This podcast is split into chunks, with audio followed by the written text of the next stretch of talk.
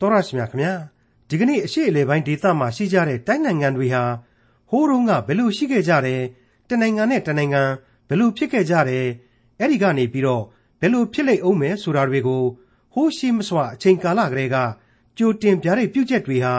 အံ့ဩစရာကောင်းလောက်အောင်ကိုမှန်ကန်တယ်ဆိုတာတွေ့ရမယ်ခရိယန်တမန်ကျမ်းရဲ့ဓမ္မဟောင်းကျမ်းပိုင်းတွေကယေဇကျေလအနာဂတ်ကျမ်းအခန်းကြီး26နဲ့အခန်းကြီး29တို့ကို ဒီကနေ့သင်သိရသောတမန်ကျမ်းအစီအစဉ်မှာ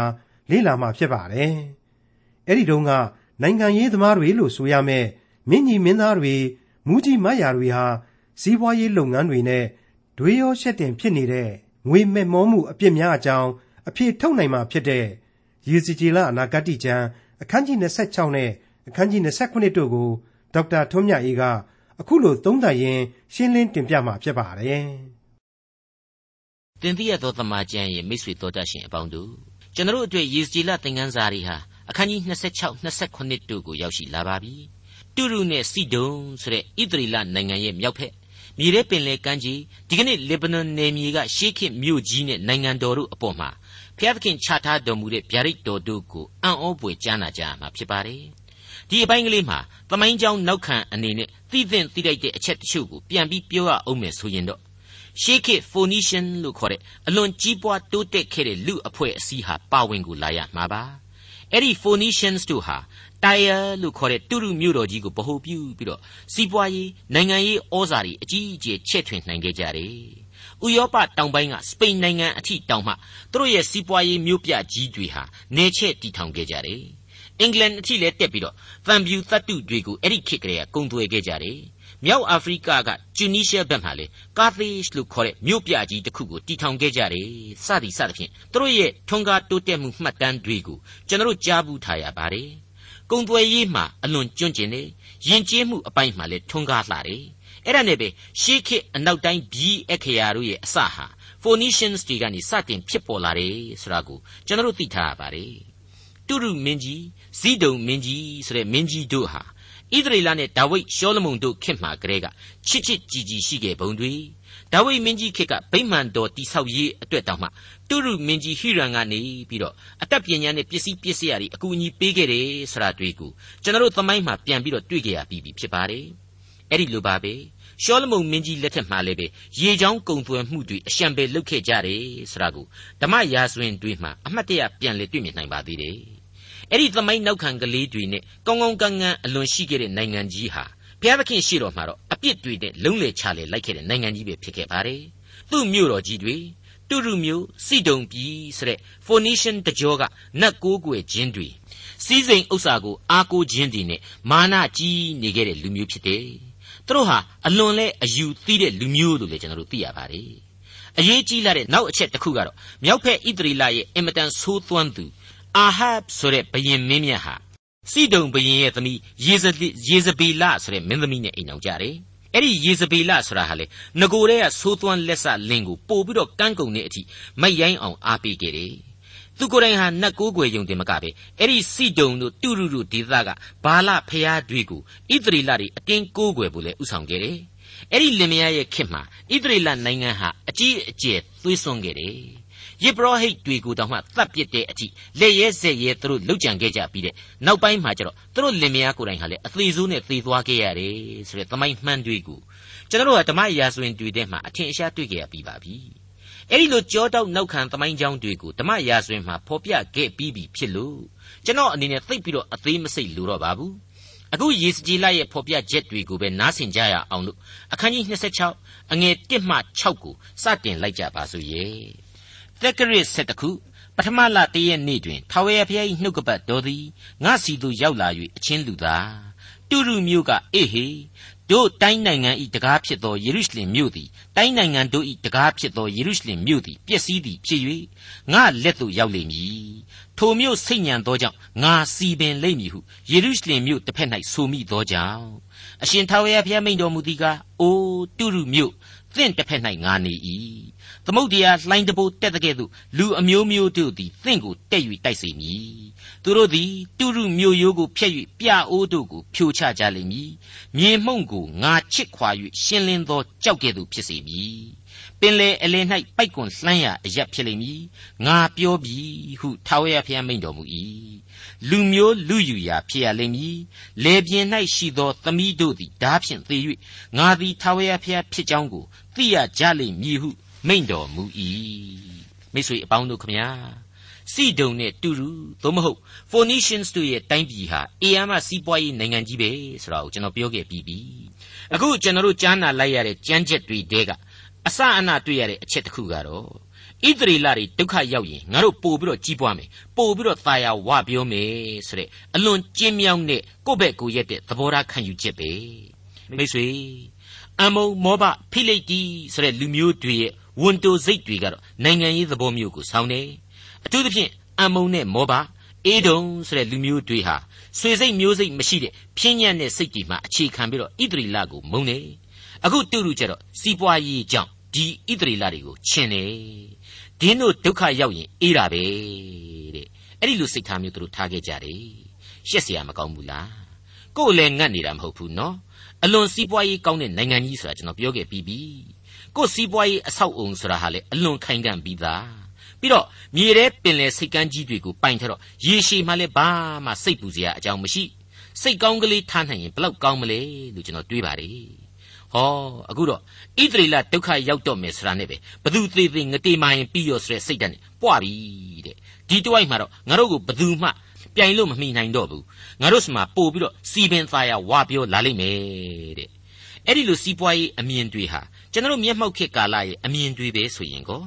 မိษွေတို့ကျွန်တော်ဘယ်သူညင်းနိုင်တလဲနိုင်ငံတနိုင်ငံချင်းရန်ဆောင်နေမလိုမုန်းတီးတယ်အုပ်စုဖွဲ့ပြီးတော့တအုပ်စုနဲ့တအုပ်စုပြိုင်နေပြိုင်နေဆိုကြတဲ့ကလေကိုသာနိုင်ကျင်ကြတယ်ဆိုတာဟာရှင်းနေပြီမဟုတ်ဘူးလား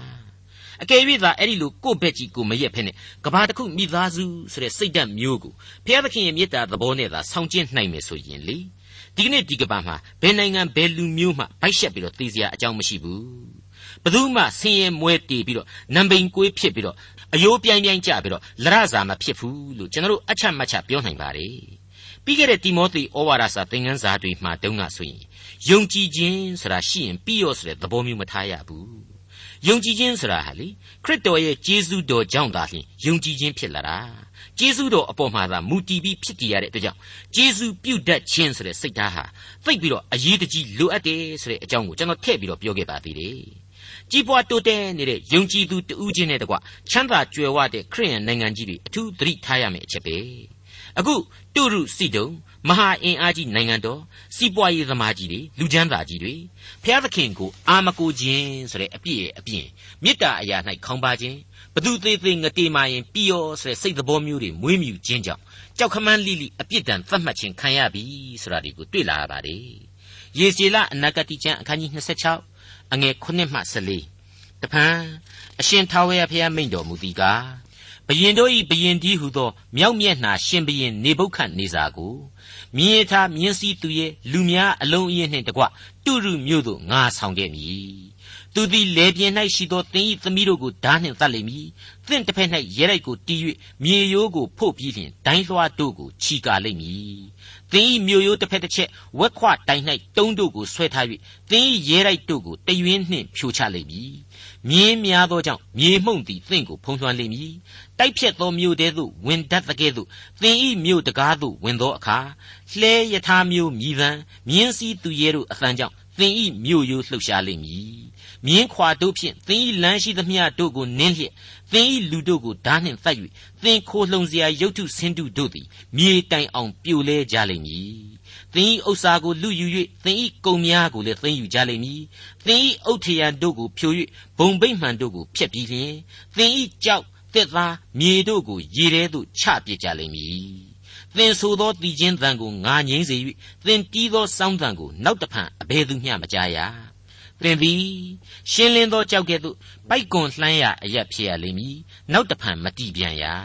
ငါထာဝရဘုရားပြောပြီဟုအရှင်ထာဝရဘုရားမိန့်တော်မူ၏တုရုစိတ်ကံစိဒုံဆိုတဲ့စိတ်ကံကြီးတွေဟာကမ္ဘာနာမည်ကြီးစီးပွားရေးစိတ်ကံမြို့ကြီးတွေပါအခုအပြစ်ဒဏ်စီရင်ပြီဆိုတဲ့အချိန်မှတော့ Phoenician လူမျိုးတို့ရဲ့ယရနာတိုက်ဟာပိုက်ကွန်လှမ်းရအရက်ဖြစ်သွားရလိမ့်မယ်အများသူငါတို့ဝင်ရောက်လူယူရအရက်လည်းဖြစ်ရလိမ့်မယ်တဲ့ အဲ့ဒီအခါမှာတော့အခြေခံစားကုန်ရဲ့အချက်အချာလေယာမြေပေါ်မှာသားသမီးတွေသေရလိမ့်မယ်စီးပွားရေးအရာထူထောင်ထားတဲ့ဥစ္စာဘန္တာတွေကိုဝိုင်းပြီးတော့လူမယ်ကုန်ပစ္စည်းတွေကိုလည်းတိုင်းတစ်ပါးသားတွေဝင်ပြီးတော့သိမ့်ပိုက်ပြစ်လိမ့်မယ်တဲ့ငွေကိုဖျားလို့ကိုးကွယ်တဲ့တူတူသူတို့ကိုးကွယ်တဲ့ငွေတွေကအရင်ဆုံးသူတို့ကိုးကွယ်တဲ့ပစ္စည်းဥစ္စာတွေကိုအရင်ရန်သူတွေကိုပေးလိုက်ရလိမ့်မယ် ပြီးတော့မှသင်တို့ကိုးကွယ်သောနတ်ရုပ်တွေဘုံဘိတ်မှန်တွေကိုစက်တိုက်ဖျက်ပြစ်ကြလိမ့်မယ်တဲ့အဆင့်စင်ပဲနော်အဲ့ဒီနီးအဖြစ်ငွေအမြဲရွှင်တဲ့အတွက်ကြောင့်အမြဲပျော်ရွှင်ဝမ်းမြောက်နေရတဲ့အရာဟာနောက်ထပ်ဘယ်တော့မှနလန်ပြန်ပြီးတော့မထူရစေဘူးတဲ့မိတ်ဆွေအပေါင်းတို့ဟေရှာယအနာဂတိမှာဒုံကလေးကတူရုမျိုးနဲ့ပတ်သက်တဲ့အနာဂတိတစ်ချက်ကိုပြန်ပြီးတော့အောက်မေ့ခြင်းစရာကောင်းပါလေ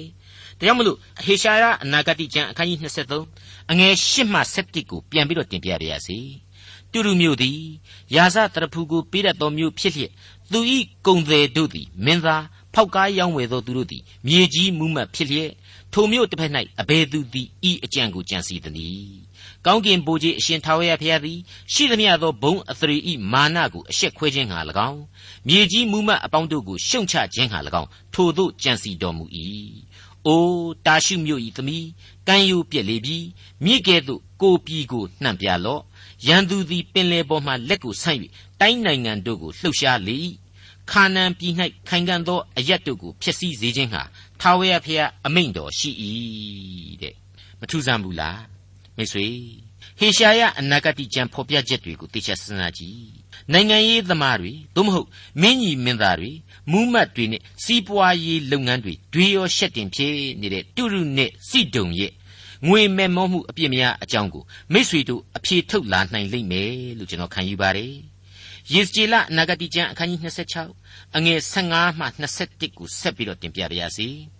တူရုမျိုးကိုရည်မှတ်၍အရှင်ထာဝရဘုရားမိန့်တော်မူသည်ကား သင်အလယ်၌ကြီးစွာသောလှုပ်ကြံခြင်းအမှုဖြစ်၍ထိကြိုက်သောသူတို့သည်အော်ဟစ်သောအခါသင်ပြိုလဲခြင်းအသံကြောင့်တကြွတနိုင်ငံအရတ်တို့သည်တုန်လှုပ်ကြလိမ့်မည်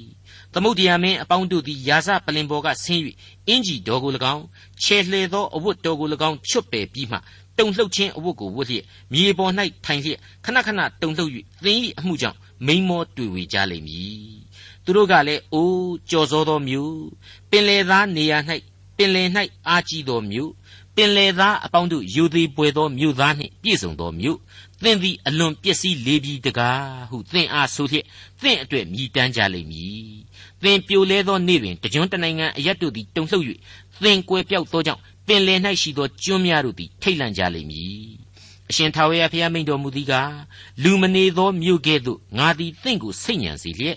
ပင်လေကိုသင်အပေါ်သို့ဆောင်ခဲ့၍လှိုင်းတဘိုးတို့သည်သင်ကိုလွှမ်းမိုးသောအခါရှေးလူဟောင်းတို့နေရာမြေတွင်းတဲသို့ဆင်းသောသူတို့နှင့်အတူသင်ကိုငါနှိမ်ချ၍သင်၌လူမနေစေခြင်းဟာမြေတွင်းတဲသို့ဆင်းသောသူတို့နှင့်အတူရှေးကာလမှစ၍စိတ်ညံရာအရက်မြေအောက်အရက်တို့၌ငါချထားမည်ထိုအခါအသက်ရှင်သောသူတို့၏နေရာ၌ငါဘုံကိုငါဖွင့်မည်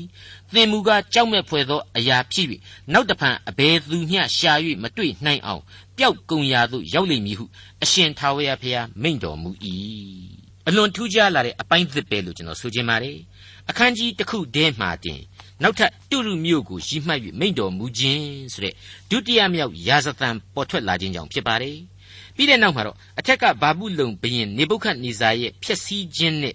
သဘောတဘာဝချင်းပုံသဏ္ဍာန်ချင်းမတူတဲ့ဖြစ်စည်းခြင်းပုံစံသစ်တွေကိုဖော်ပြလာပါတယ်ဟုတ်ပါတယ်တိတကြွတနိုင်ငံအရက်တို့၌တွားရောက်တုန်လှုပ်ခြင်း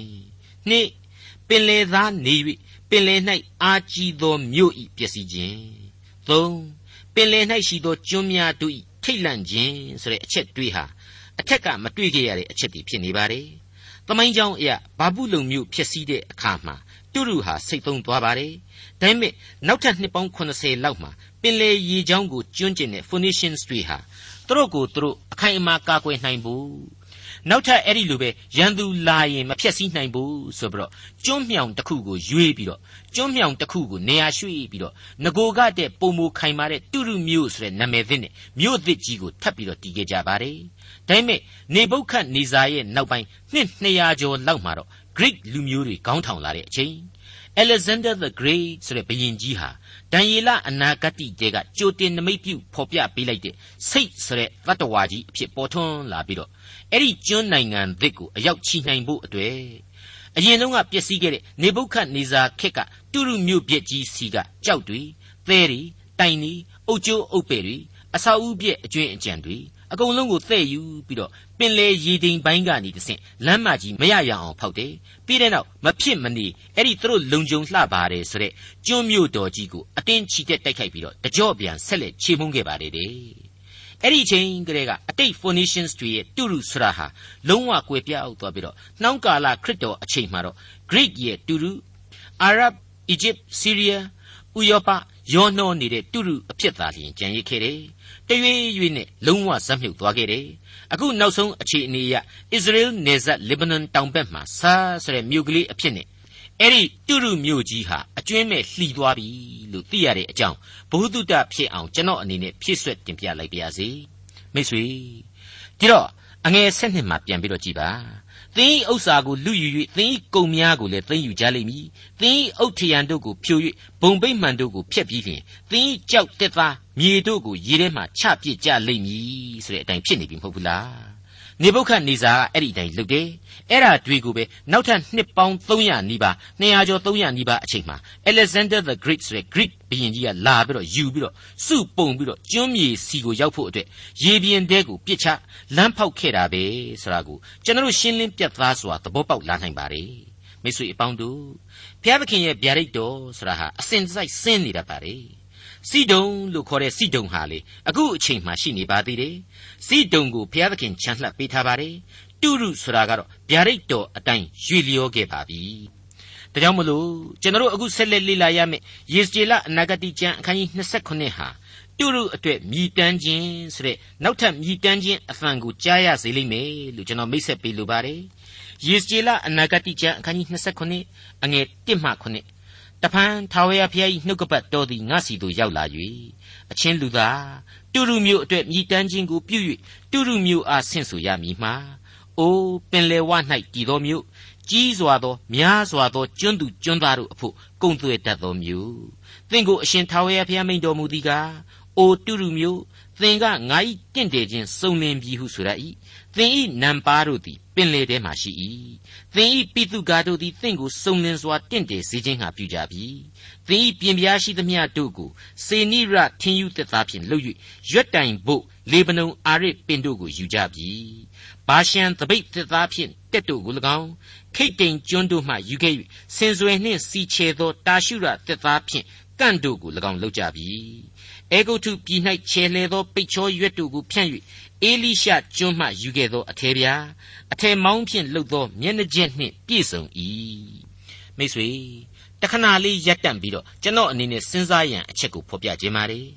ရေစကြည်လအခုမြည်တမ်းစကားတွေကိုဘယ်အရက်ကနေပြောနေခြင်းဖြစ်ပါသလဲဣသရေလနဲ့တောင်မှအလွန်အလွန်ဝေးကွာတဲ့ဘာဘူးလုံကျွန်းလောင်းရိပ်ကနေပြောနေခြင်းပါဒါပေမဲ့ तू က तू နဲ့ဘာမှမဆိုင်တဲ့တူတူအတွက်အသေးစိတ်ချေမှုန်းပြီးတော့ပြောဆိုနေနိုင်ပါတယ်ဟုတ်ပါတယ် အကြောင်းကတော့သူ့နှုတ်မှတဆင့်သူ့အသံဟာဘုရားသခင်ဖြစ်ပွားစေသောနှုတ်ကပတ်တော်ရဲ့အသံတော်ဖြစ်နေပါတယ်ဘယ်လို့မှမလွဲနိုင်ပါဘူးယေစီလအနာဂတိကျမ်းအခန်းကြီး29အငယ်8မှ15ဇိဒုံမြို့သားအာဝတ်မြို့သားတို့သည်သင်္ဘောသားဖြစ်၍တုရုပညာရှိတို့သည်လမ်းပြမာလိန်ဖြစ်ကြ၏ဂေဗလလူကြီးပညာရှိတို့သည်သင်ကိုပြုပြင်လျက်လိုက်ကြ၏ ပင်လေကူးတတ်သောသင်္ဘောရှိသမျှသင်္ဘောသားတို့နှင့်တကွသင်နှင့်ဖောက်ကားရောင်းဝယ်ခြင်းဟာပါကြ၏ပေရတိလူလူဒလူဖုဒလူတို့သည်သင်၏တပ်သားစစ်သူရဲ့လောက်ကြ၏ဒိုင်းလွှာသံခမောက်လုံးတို့ကိုပြင်ဆင်၍သင်၏ဂုံအသရေကိုထင်ရှားစေကြ၏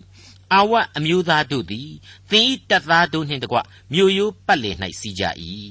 ဂမ္မဒိန်လူတို့သည်ပြအိုးတို့ကိုစောင့်၍မြို့ရိုးပတ်လည်၌မြားတောင့်တို့ကိုပြင်ဆင်သဖြင့်သင်၏တင့်တယ်ခြင်းကိုစုံလင်စေကြ၏သင်၌ကုံသွင်းရန်ဥစ္စာများသောကြောင့်တာရှုမြို့သည်ငွေသံ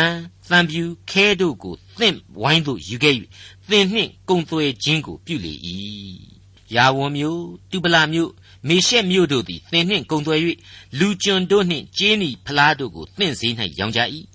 တောဂါမအမျိုးသားတို့သည်မြင်းစည်းသူလားတို့ကိုသင့်ဝိုင်း၌တွင်ကြ၏ဒေဒံမျိုးသားတို့သည်လည်းသင်နှင့်ကုန်သွယ်ကြ၏များစွာသောတကြွတနိုင်ငံအယက်သားတို့သည်သင်လှုပ်သောဥစ္စာကိုဝယ်၍ဥကြိုဆင်ဆွဲတစ်သားနက်ကိုပြန်ပေးကြ၏မိတ်ဆွေဒီအပိုင်းတွေကိုကျွန်တော်အနေနဲ့အသေးစိတ်ဖတ်ပြနေတာဟာရွှေထီးဆောင်ခဲ့ရတဲ့တုရုစီတုံတို့ရဲ့ခစ်ကိုပြန်ပြီးတော့အောက်မေ့စေခြင်းလို့ပါ အမှန်တော့ဘုရားသခင်ရဲ့ကျေးဇူးတော်များအလျံပဲခံစားရသောအချိန်ကာလကအကြောင်းတွေပေါ့ဘုရားသခင်ကအဲ့ဒီတိုင်းပါပဲလူအဖွဲ့အစည်းတစ်ခုလုံးရဲ့အပေါ်မှာကောင်းကြီးအမျိုးမျိုးကိုပေးပါတယ်မတူညီသောကောင်းကြီးများဖြစ်ပါတယ်အမျိုးအမည်နဲ့ခွဲခြားစိတ်ဖြာရင်တောက်မှဘယ်နည်းနဲ့မှကုန်နိုင်ပွဲမရှိပါဘူးဒါကိုပို့ပြီးတော့သိသာစွာနဲ့ဆက်လက်ဖော်ပြအောင်မှာကတော့ယေစီလအနာဂတိကျမ်းအခန်းကြီး29အငယ်16မှ25အတွင်ပဲဖြစ်ပါတယ် သင်လှုပ်သောဥစ္စာများသောကြောင့်ရှုရိပြည်သည်သင်နှင့်ကုန်သွယ်၍နပက်ကြောက်ဖြာသောအထည်ခြေလေသောအဝတ်ပိတ်ချောတန်တာကြောက်နီတို့ကိုသင်ဝိုင်း၌တွင်ကြ၏ယူဒပြည်နှင့်ဣသရေလပြည်သည်သင်နှင့်ကုန်သွယ်၍ဂျုံစပါမုရန်စီပနက်စီဘာလဆန်စီစီ